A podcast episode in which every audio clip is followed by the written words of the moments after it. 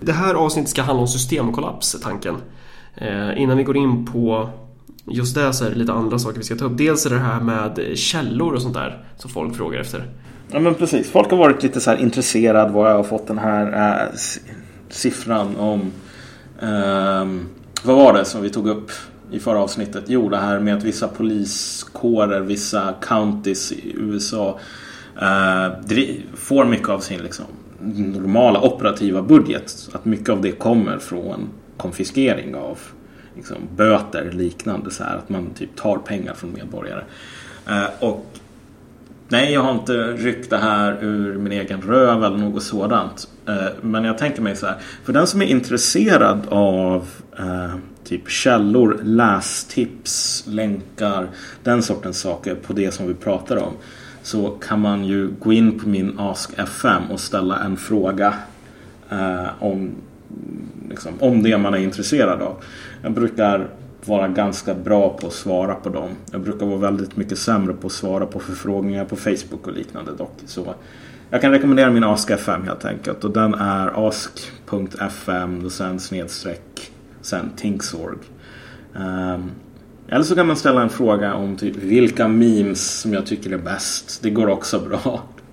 Det är väl takes all kinds eller vad man nu säger. Men som sagt, lästips, länkar, allting sånt. Uh, det är bara att fråga mig personligen på min Ask-FM. Och sen givetvis kan du hålla på och ställa frågor på Facebook-sidan också och göra den aktiv och sådär. Mm. Eh, och sen vad fan... Eh, ja, systemkollapsen då? Det talas ju så jävla mycket om det här med systemkollaps nu ja, för tiden. Det gör ju det. Det är ett jävla tjat. Eh, och i Sverige när man pratar om systemkollaps så är det ju det är två sidor. Ena sidan säger att ja men nu har vi tagit in så jävla mycket invandrare så nu har det blivit systemkollaps. Och den andra sidan säger eh, nej titta vi har jättemycket pengar. Oj vad mycket mm. pengar det finns överallt. Vi har ingen systemkollaps. Eh, och de som säger det förstnämnda det är väl SD. Jag tror folk på Timbro har väl varit där och nosat lite också så här Eh, generellt högern typ pratar mm. om Nej men alltså vi, Sverige står inför en systemkollaps och då pratar man om typ Migrationsverket, alltså en systemkollaps utifrån eh, Alltså hur ska man definiera deras systemkollaps? Det är typ så att Migrationsverket kan inte hantera situationen utifrån de normala förutsättningarna. Att det kommer så pass många människor nu under en så pass kort tid än vad Migrationsverkets kapacitet är är vad ska man säga, byggd eller van vid. Mm. Men det där, alltså på ett plan så kan man väl säga att högern har väl lite mer rätt än vänstern här. Rent objektivt. Problemet är ju bara att det här systemkollaps är ett sådant ord som gör alla till retards för att ingen riktigt förstår vad det är. Vad det är som man snackar om. Nu är det så här. Vi människor har, som, som art, djurart har genomlevt liksom 51 miljarder systemkollaps vid det här, systemkollapser vid det här laget. Så här, länder faller sönder, system, liksom, politiska system går i kras, allianser bryts, bla bla bla sådär. Klimat förändras, det är inte heller någonting nytt.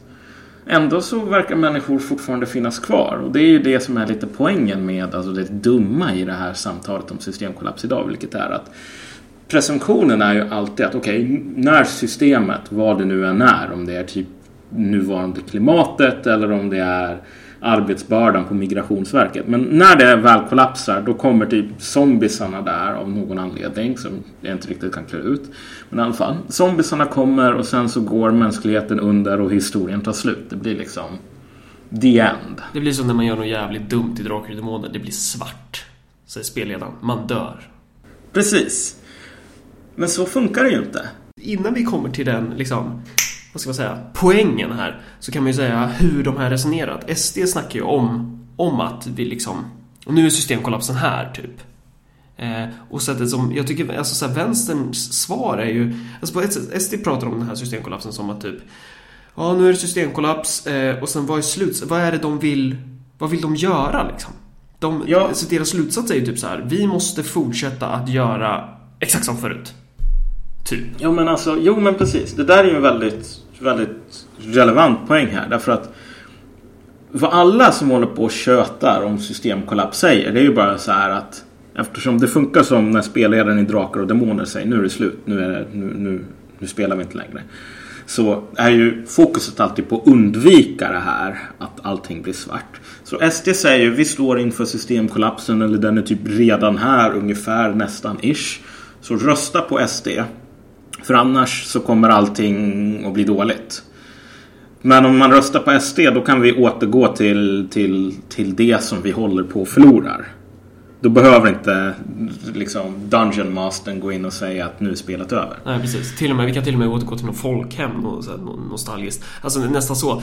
Nu skulle ju ingen sverigedemokrat hålla med om att nej men vi vill inte alls ha det som förut. Men egentligen alltså, i, i den faktiska praktiken så är det ju så här. Om man, och det gäller ju inte bara Sverigedemokraterna. Alltså, de, de som idag pratar om systemkollaps eh, och, och då refererar till migration.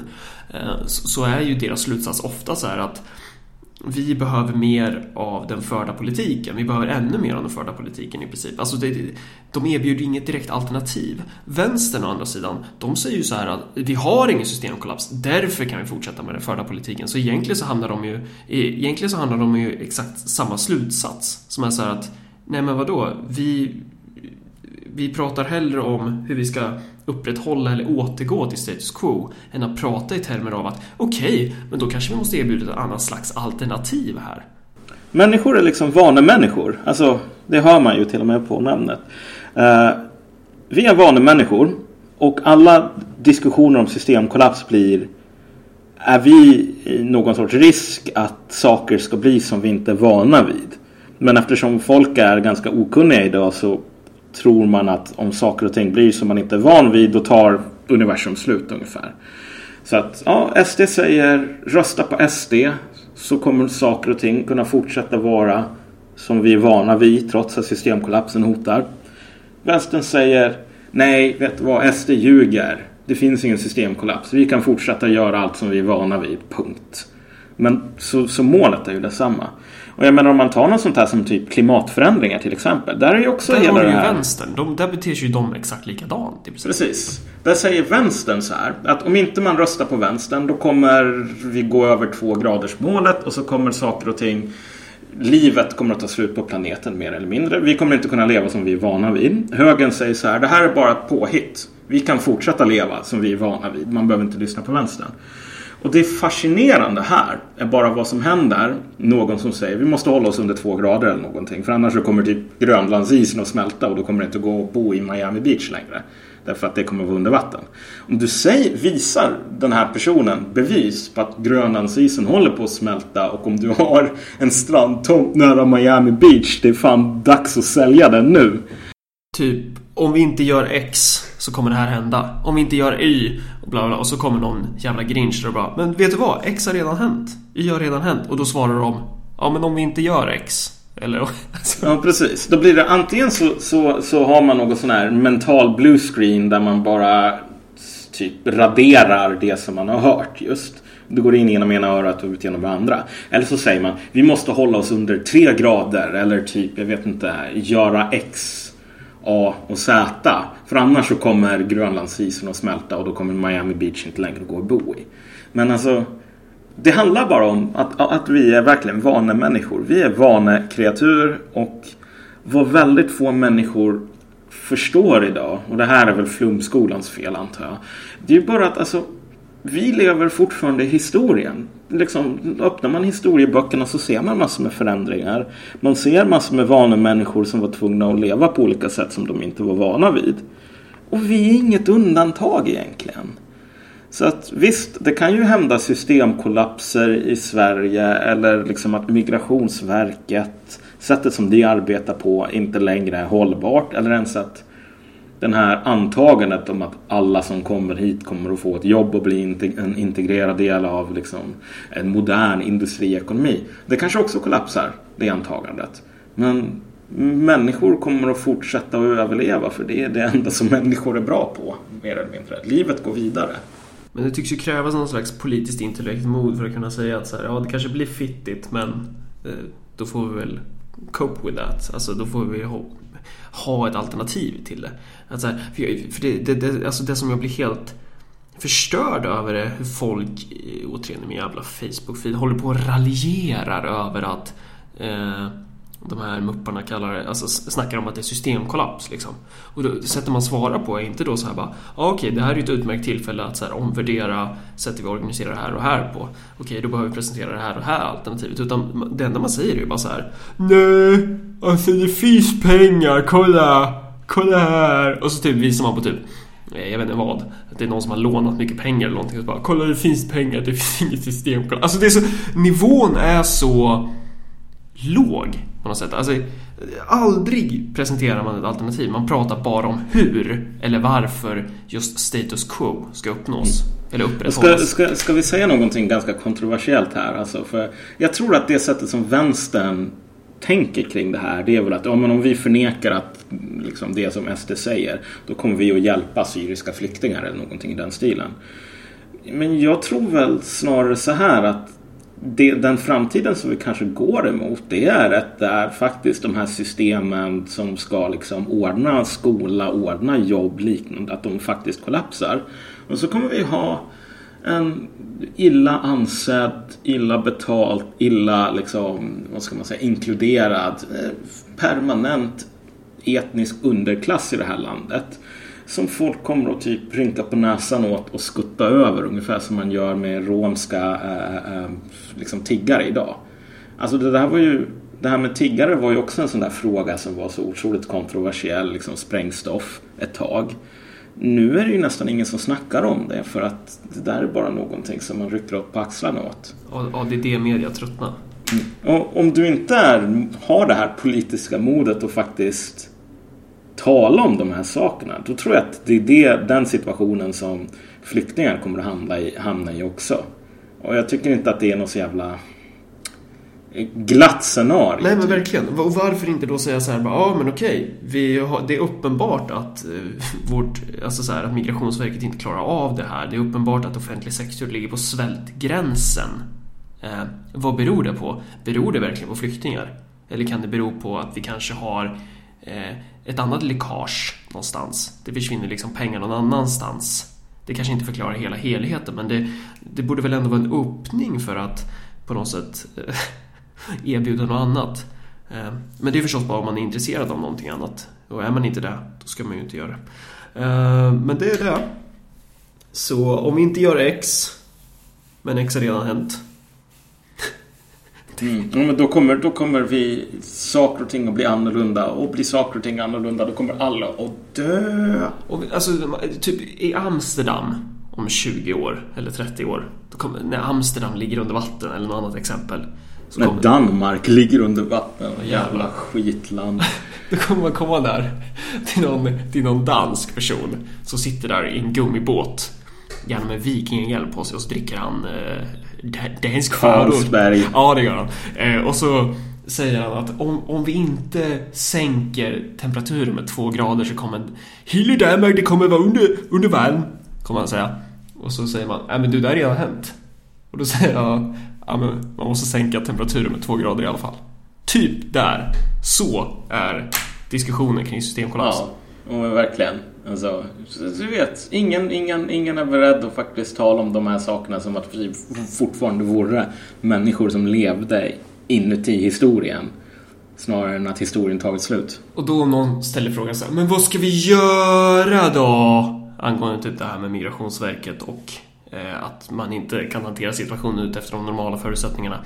Så ja, jag vet inte, är det jättesvårt att besvara det egentligen? Det handlar väl att, att staten behöver en högre beredskap. Eh, och frågan är ju då om den är kapabel att ha det utifrån de givna produktionsförutsättningarna.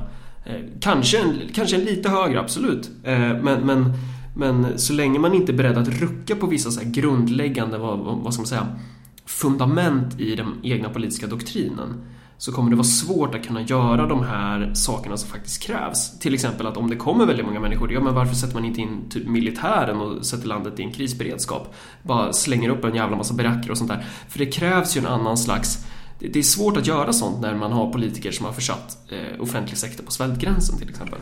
Sen är jag en jävla grinch när jag får såna där frågor. Vad ska man göra då? Du har väl sett Independence Day? Ja. Du vet när presidenten frågar den här liksom, utomjordingen typ Men vad, vad vill ni att vi ska göra egentligen? Och den här utomjordingen säger bara Jag vill att ni ska dö. Punkt. Alltså, när folk frågar mig, men vadå, om inte fusionskraft funkar, om vi inte kommer att åka runt i flygande bilar om 20 år. Vad ska jag göra? Då brukar jag säga så här, du får gå till jobbet.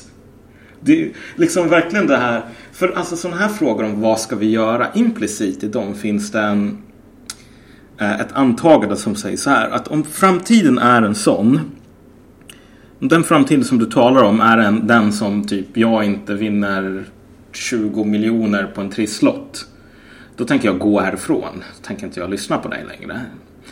Problemet är bara så här att det där funkar inte. Man kan inte använda den, den förhandlingstaktiken på, på universum som så. Universum bryr sig inte. Um, universum så. kompromissar inte. Nej, precis. Så att det enda som man kan göra om vi säger så här att det inte blir några liksom, fusionsdrivna flygande bilar eller någonting. Det är typ Ja, antingen så kan du dö eller så kan du lära dig att leva i en värld utan fusionsdrivna flygande bilar eller vad det nu kan vara. Alltså, det, det, men som sagt, de där frågorna kommer jämt och ständigt. Vad ska man göra då om du säger någonting som folk bara Men jag vill verkligen inte att jag vill verkligen inte leva i en sån här värld. Typ. Ja men alltså Tough luck. Ingen människa väljer världen de lever i. Eller kommer att leva i. Det är trädigt sånt där. Ja, det är ju det. It calls folks like you and me. And if we don't all chip in, we'll never pay that bill. Isn't free. No, there's a hefty thugging fee.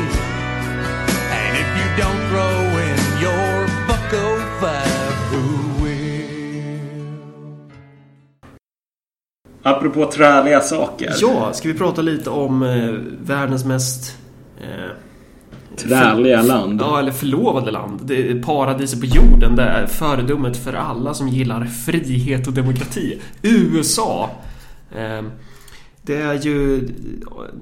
Temat för avsnittet är ju systemkollaps. Ehm, och eh, USA är väl på något sätt, vad ska man säga, centrum i det världssystem vi har idag på något sätt. Och... Det är ju egentligen paradexemplet på, på allting som har med systemkollaps att göra. Dels själva kollapsen men sen också alla de här roliga äh, psykiska, liksom, vad, vad heter det på svenska, sådana här coping mechanisms. Förnekelse och liknande som folk använder sig för att låtsas som att systemet inte håller på att kollapsa. Vilket inte är ett val utan det är ju mer en evolutionär eh, inneboende Men, eh, men hur som helst. Eh, jag länkade en grej på våran poddsida eh, för någon vecka sedan. Var det nog nu. Och det var en artikel i Svenska Dagbladet om USAs senaste eh, hur ska man uttrycka det? Monsterjagare. Monsterjagare, så är rubriken tror jag faktiskt. USAs senaste monsterjagare. Ungefär som den superduper coola Star Trek superbåten som, som kan skjuta jättecoola skott över halva jorden. Typ, typ så var artikeln. Eh, det var ungefär som, alltså artikeln handlar liksom om att USA har köpt en en krigsbåt, eller de, de ska lansera en ny krigsbåt som är så här att det kostar 35 miljarder att producera. 35 miljarder dollar, precis. Det är ganska mycket pengar. Vad fan ligger Sveriges försvarsbudget på? Jag tror att det är fan mindre än vad den här eh, båten kostar ja. typ vid det här laget. Eh, alltså det är, ja. Eh, och hur som helst, artikeln är liksom inte så här bara Hmm, hur kan det komma sig att man måste lägga så här arsligt mycket pengar på, det här, på eh, den här jävla båten då? Vad, vad, vad, ska det, vad ska det vara bra? Alltså någon slags resonemang. Artikeln är lite mer så här.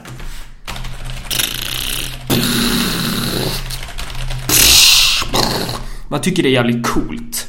Det här är en jävligt cool båt. Det är typ, det är typ som om en femåring skulle ha skrivit artikeln och tycker att det, det hela är coolt. Det, avsl, det hela artikeln avslutas med eh, att man snart ska testa om båten flyter. Ja, man, man säger i artikeln båten är typ färdig. Och så påpekar man också så här att från början skulle man beställa typ en 30 båtar. Men sen så blev det tre. Och jag menar, är inte det lite uppseendeväckande? Det kanske förtjänar en och annan fråga. Typ hur det kan komma sig att man bara har råd med tre båtar för det som egentligen skulle täcka kostnaden för 30 båtar. Um, men det, det, ställer man inga frågor om. Utan man säger båten är klar och nu är den färdig. Och, och den är jävligt någon cool. Ja, och någon gång i framtiden så ska man testa om, den har, om, om vi kan sätta vapen på båten. Men först ska vi testa om den kan flyta ute på havet när det är höga vågor. Uh, men rent, rent konkret, vad, vad, vad som håller på att hända det här vad som har hänt med den här båten är det som har hänt med typ jätte, jättemånga andra amerikanska militärprojekt. Det är ren och skär korruption som har käkat upp alla de här pengarna. Och i slutändan så har amerikanska flottan liksom hamn, vad de har i händerna är en båt som antagligen inte ens fungerar. Eller åtminstone inte funkar särskilt bra. De kostar hur mycket pengar som helst. Och den här korruptionen har vi berört i tidigare avsnitt men det handlar helt enkelt om att du har företag som tjänar väldigt mycket pengar eh, på att sälja vapen och gärna som har väldigt tajta förbindelser med de som sitter på eh, maktpositioner inom amerikanska militären och senaten och allt vad fan det är. Eh, Bush hade väl till och med Uh, satt inte han på styrelsepost i... Ja, det kanske var Halliburton. Det är olja va? Uh, det var Cheney som satt på en styrelsepost i Halliburton. Aha, men det var också så här många i administrationen. Jag kommer inte ihåg om det var Cheney själv som hade så här väldigt mycket förbindelser med företag som höll på att återuppbygga Irak och Afghanistan. Om du tänker dig där, Irak och Afghanistan, där la man ner mer pengar än vad man gjorde på hela Marshallhjälpen. Och det var en total korruptionshärva, katastrof så. Det var, det, det var då man, det kostade typ, vad kostar det att bygga en skola i wellpapp? Ja, men så här mer än en miljard kronor typ. Det är fan ganska dyr wellpapp måste jag säga. Ja, men alltså det där är ju ungefär som det som har hänt i med Karolinska sjukhuset i Sverige nu. Det ska kosta så här gigantisk summa pengar och så kollar man. Ja, men det här är för att man mer eller mindre har bestämt sig för att ge bort skattepengar till det här byggnadsbolaget. Och så, så ser det ut idag och börjar se ut mer och mer. Att du har företag med eh, Alltså, vad ska man säga? Kapitalisterna integreras med politikerna. Det är en och samma sörja. Eh, väldigt, väldigt kortfattat liksom. Det är förbindelser däremellan som gör att eh, ja, men den ena hjälper den andra lite och sen så kommer de båda undan med, med våra cash. Ja, och egentligen så har det väl på något plan alltid varit ja. därför att marknader är alltid skapelser av stater så.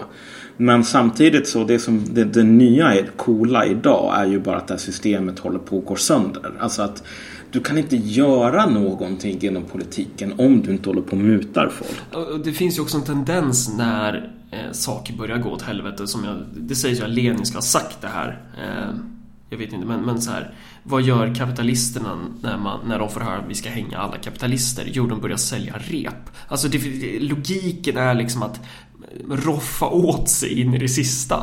Mm. Jag menar, nyligen så jag läste i en rolig sån här nyhetsartikel idag om en snubbe i Indien som tog med sig två säckar med så här, hade 40 ormar i de här säckarna. Bara hällde ut dem på liksom lokalt statligt kontor när den här tjänstemannen bad om en muta. Därför att på många sådana här ställen i den så kallade tredje världen så alltså det går inte att om du ska om du ska få ditt körkort förnyat eller något sånt här tillstånd att borra en brunn eller någonting. Du måste muta folk. Alltså det är bara så som systemet funkar. Mutor är, det är inbyggt. Uh, och han var sur på det, hällde ut så 40 ormar på golvet som ett jävla fuck you typ. Men alltså om du tänker dig vad som håller på att hända i USA idag. Uh, du, skulle, du behöver fler ormar än så om vi säger. Därför att nyligen så den här budgeten som gick igenom. Som man röstade igenom för ett par dagar sedan. Och idag är det den 21 apropå ingenting. Eh, men man röstade alltså igenom en budget nyligen som skulle täcka hela nästa år. Och i den här budgeten så fanns det eh, så skattesänkningar på typ nästan tre kvarts triljoner dollar. Alltså eh, en triljon är väl tusen miljarder för övrigt. Det är ganska mycket pengar. Och, och det är väldigt mycket pengar. Och vi vet samtidigt att det brukar bli dyrare i längden än vad man först har beräknat. Varför hade man de här skattesänkningarna? Där nästan allting, nästan alla de här sänkningarna går till folk som tjänar jävligt mycket pengar. Det är skattesänkningar för de rikaste i samhället. Jo, därför att det var omöjligt att liksom sy ihop någon sorts kompromiss om inte alla som ville ha mutor och alla som ville ha en större del av kakan fick det. Alltså alternativet var att stå utan en budget mer eller mindre. Det man, det man ska säga då är väl att USA har väl en statsskuld på vad uppgifterna varierar väl, men det är väl mellan 15 till 18 triljoner är det väl någonstans där. Jävligt specifikt bara, det är någon triljon som skiljer. Men det, ja, men det är väldigt mycket pengar. Och det är väldigt mycket Precis. Och du vet, alltså, och det här är också grejen. Republikanerna ska ju vara det partiet som liksom bryr sig om underskotten. För det är så jävla viktigt med, du vet, så här budget hawks. Problemet är ju bara att Republikanerna själva var väldigt tysta om det här. Även de som säger nej, vi ska inte ha mer underskott, liksom skrev på det här. Och de, om, om du får dem i, inne i liksom du slår, slår av mikrofonerna och bara snackar med dem i ett stängt rum ungefär. Då kommer de här människorna och säga åt dig, visst det här systemet är helt jävla fuckat. Eh, och vi som håller på att låtsas att vi bryr oss om budgeten, vi kanske till och med gör det. Men alltså, det enda sättet att bedriva politik i USA idag, det är att ge pengar till folk som redan har det. Det enda sättet att bli vald, det är att ge skattesänkningar till folk som redan tjänar otroligt mycket och som redan betalar lägst skatt av alla. Därför att annars så kommer, om inte jag gör det, då kommer någon annan och säga att han gör det. Och så kommer han eller hon att få liksom en halv miljon av Raytheon eller Brown och Root eller liksom Lockheed Martin. Och den här personen kommer att använda de pengarna till att ge mig smisk. Så den kommer att bli vald. Jag kommer att stå här på bar backe. Så det kan lika gärna vara jag som typ uh, har fingrarna i, i, i kakburken. Någon annan. Och det här har ju lett till Alltså det är enorma underskott i USAs budget helt enkelt. Eh, och när man håller en, en eh, när budgeten är på svältgränsen. Vad ska man säga? När, när, när man inte tillskjuter tillräckligt med resurser till de verksamheter som behöver det så kommer ju de här verksamheterna att få lite eget liv. Det är ju inte så att typ så här, poliserna bara kommer tycka att jaha, men eh, är inte jag finansierad då, då går jag väl jag ut och skjuter mig själv då. Ja, nej men precis. Alltså vad det här leder till är ju många gånger att för det första att så här, saker som vägar och sådant inte längre underhålls, broar faller sönder. Men sen också att liksom, poliskårer och liknande hittar olika sätt att eh, dra in pengar själva. Det där snackade vi lite grann om i förra Precis, avsnittet. då handlar det typ om att de, eh, man kan ju nämna det väldigt kort. Men typ, vi kan ju länka den artikeln sen på poddsidan. Eh, men, men att poliser, ungefär som IS, eh, helt enkelt hitta på brott som de kan bötfälla eh, vanliga average Joe för. Eh, ja, men det där är inte ens... Det, det, finns en annan aspekt som vi inte snackade om som är ännu bättre. Som är att alltså att Eh, det finns en lag, eller ett gäng lagar om en sak som heter Civil Asset Forfeiture. Vilket mer, mer eller mindre är så här. Att om du har egendom som kan vara involverad i ett brott. Eh, då kan polisen ta den här egendomen. Och du har inte rätt till advokat. Du har inte de här juridiska rättigheterna som du skulle ha om du blev anklagad för ett brott. Därför att det är egendomen som blir anklagad för ett brott, typ. Det är resonemanget. Så ett exempel på hur det här funkar är bara en person som typ stal några bilar till en, en, en nej vad säger jag, några delar till en bil.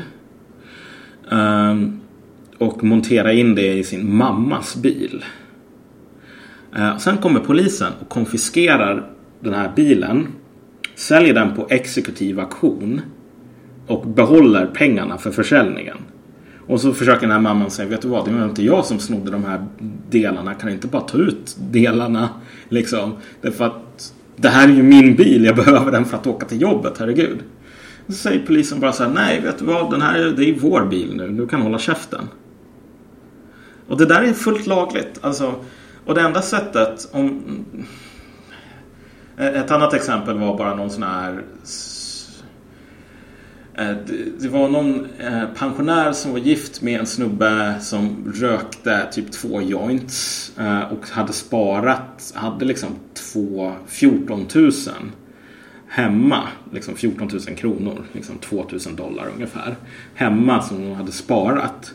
Polisen kommer, tar de här pengarna och säger vi tar de här pengarna därför att liksom, din, din, din man hade en joint hemma. Så vi tror att de här pengarna är involverade i, i liksom, drogsmuggling. Det enda sättet att få tillbaka de här pengarna är typ att om du går till domstol. Men eftersom det är pengarna som blir anklagade för ett brott och inte du. Så måste du betala för en egen advokat.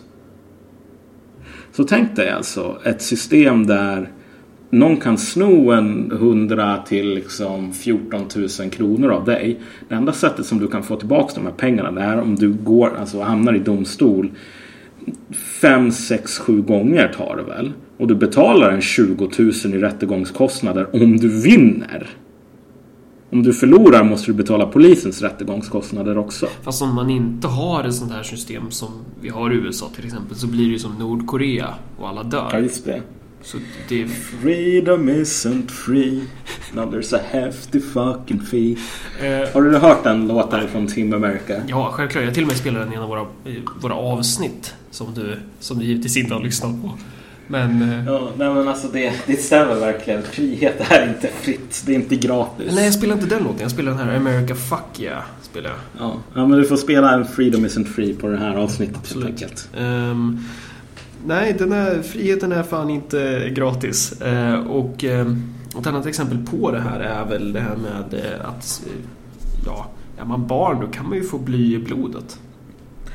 Ja, just det. Um, det här är ju... du vet. Och nu snackar vi liksom inte om Kongo-Kinshasa. Eh, där man av någon anledning tycker att, ja men vad fan om barnen i Kongo-Kinshasa får bly i blodet, det är ju så det är där nere. Typ, utan nu pratar vi om, eh, om USA. Mm. Eh, så. Som... Ja men alltså USA, många ställen där håller ju på att hamna på någon sorts liksom, tredje världen-nivå. Ungefär. Ja. Uh, det, för, det för befolkningen. Ja. Eller ja, det, det, nej men det är fan precis. Det, det, du, ja, du men alltså, en, dels det politiska systemet ja. är ju så liksom. Eh, faktiskt, det är väldigt bra, väldigt bra liknelse. Eh, mm. Och du, du, får, ja, du har en liten, liten elit som blir äckligt rik och sen så får, mm får folket betala det helt enkelt. Ja, för alltså det, det, det, det här med barn som har bly i blodet. Vi, det är alltså i Flint, Michigan. Eh, och Michigan är en stat, eh, delstat som har haft jävligt mycket ekonomiska problem ända sedan alltså, USA avindustrialiserades mer eller mindre. Och ekonomin trasade sönder och man bytte ut typ produktion mot spekulation. Uh, många sådana här städer, typ Detroit till exempel, har väldigt svårt att få ihop budgeten. Flint är en annan stad som har haft väldigt svårt att få ihop budgeten. Och det som man gjorde i det här läget. Det var mer eller mindre att man skickade, man skickade in eh, vad ska man säga, ståthållare kan man nästan kalla dem. Folk som kommer in och som säger, vet du vad, vi, demokratin gäller inte längre här. Utan jag är här för att reda upp ekonomin. Och jag får fatta vilka beslut jag vill. Och det går inte att rösta bort mig eller något sånt där. Så man skickar in alltså ståthållare. Och en av de här Ja, nej men, ja, men precis. Jag kommer inte ihåg vad, vad deras officiella titel är. Eh, men en av de här hade den här jättesmarta idén att en sak som man kan spara pengar på det är vatten. Därför att staden Flint fick sitt vatten från typ Detroits vattensystem. Så man tog det här vattnet från den lokala floden istället bara. Problemet är att den här lokala floden är späckfull av olika eh, liksom industriellt avfall. Plus bajs. Vilket gör att du får de här roliga typ kolera, dysenteri, alla de där sjukdomarna som hittills amerikaner trodde att bara indier hade. Men sen också att små barn, att man upptäcker att de har jätteförhöjd blyhalt i blodet. Det är ju för sig jättebra att barn insjuknar i det där för att då kan ju läkemedelsföretagen tjäna mer pengar när de säljer mediciner. Ja, Ja. För annars blir det som i Nordkorea. Ja, men precis. Nej, men, alltså, men det är fascinerande med just det här beslutet att, att säga så här. Okej, okay, ni får dricka det här vattnet från typ den här floden som är fylld av bajs och kemikalier. Är ju att det fanns ju någon sorts ekonomisk förklaring till varför man gjorde det här. Men om vi bara tänker oss utifrån ettor och nollor. Så om du har eh, vatten som är frätande i avloppsrör. Då fräts de här avloppsrören sönder av någon jävla sjuk anledning. Så att, att ha det här vattnet i avloppet gör att du, kommer, du, du kanske sparar på vattenkostnaderna. Men du måste betala liksom flera gånger mer. Bara för att se till så att rören inte faller sönder. Så det kan till och med bli dyrare att ta vatten från floden som folk insjuknar och dör av. Även om du ignorerar det faktumet att folk insjuknar och dör och att det också är ganska dyrt med sjukhuskostnader och liknande. Så alltså, det blir den här, alltså här har vi, talar vi verkligen om systemkollaps. Alltså att det finns inte längre någon som helst det finns inte ens någon rationalitet typ. Alltså om jag var så här Tengil, mörkrets härskare så. Som bara satt så här och jag är ond och jag bryr mig inte om folk dör. Inte ens då så skulle det här vara ett smart beslut. Därför jag skulle vara tvungen att betala mer för rören än vad jag skulle vara tvungen att betala för vattnet om jag gjorde det här. Men ändå så sker det typ. Och ändå så håller folk på att dör. Um, samtidigt som, du vet. Du har de här båtarna som kostar 35 miljarder och som man måste testa om, om de ens flyter. Men som är jävligt coola. Ja, apropå en sån där båt. Du vet, en gång i tiden så amerikanska flottan betalade ju för en båt med ett skrov gjort av aluminium. Problemet är bara så här att aluminium, typ, när man sätter det i vattnet så reagerar det liksom med vattnet och gör det, kort sagt att det här skrovet faller sönder. Så tänkte jag att du gjorde ett, en båt som bara bestod av järn men du fattade inte att rost var en grej som fanns. Uh, elektro... Vad heter det? Elektrolysis. Elektrolys heter väl reaktionen. Jag, inte, jag, jag sov igenom kemin så liksom i skolan, i flumskolan. Så jag väl inte hundra. Men alltså, tänk dig. Flottan betalade sjukt mycket pengar för en båt som typ en person som inte sov igenom kemin på, i, i grundskolan skulle ha fattat att nej men det här går ju inte. Det här är inte ett bra material att bygga båtskrov. Fast å andra sidan kanske var en cool båt. Ja, det kanske det var. Jo, nej men. De brukar ju vara det, de här sakerna som kostar jättemycket pengar som man kan argumentera. Som kommer från USA framförallt. Ja.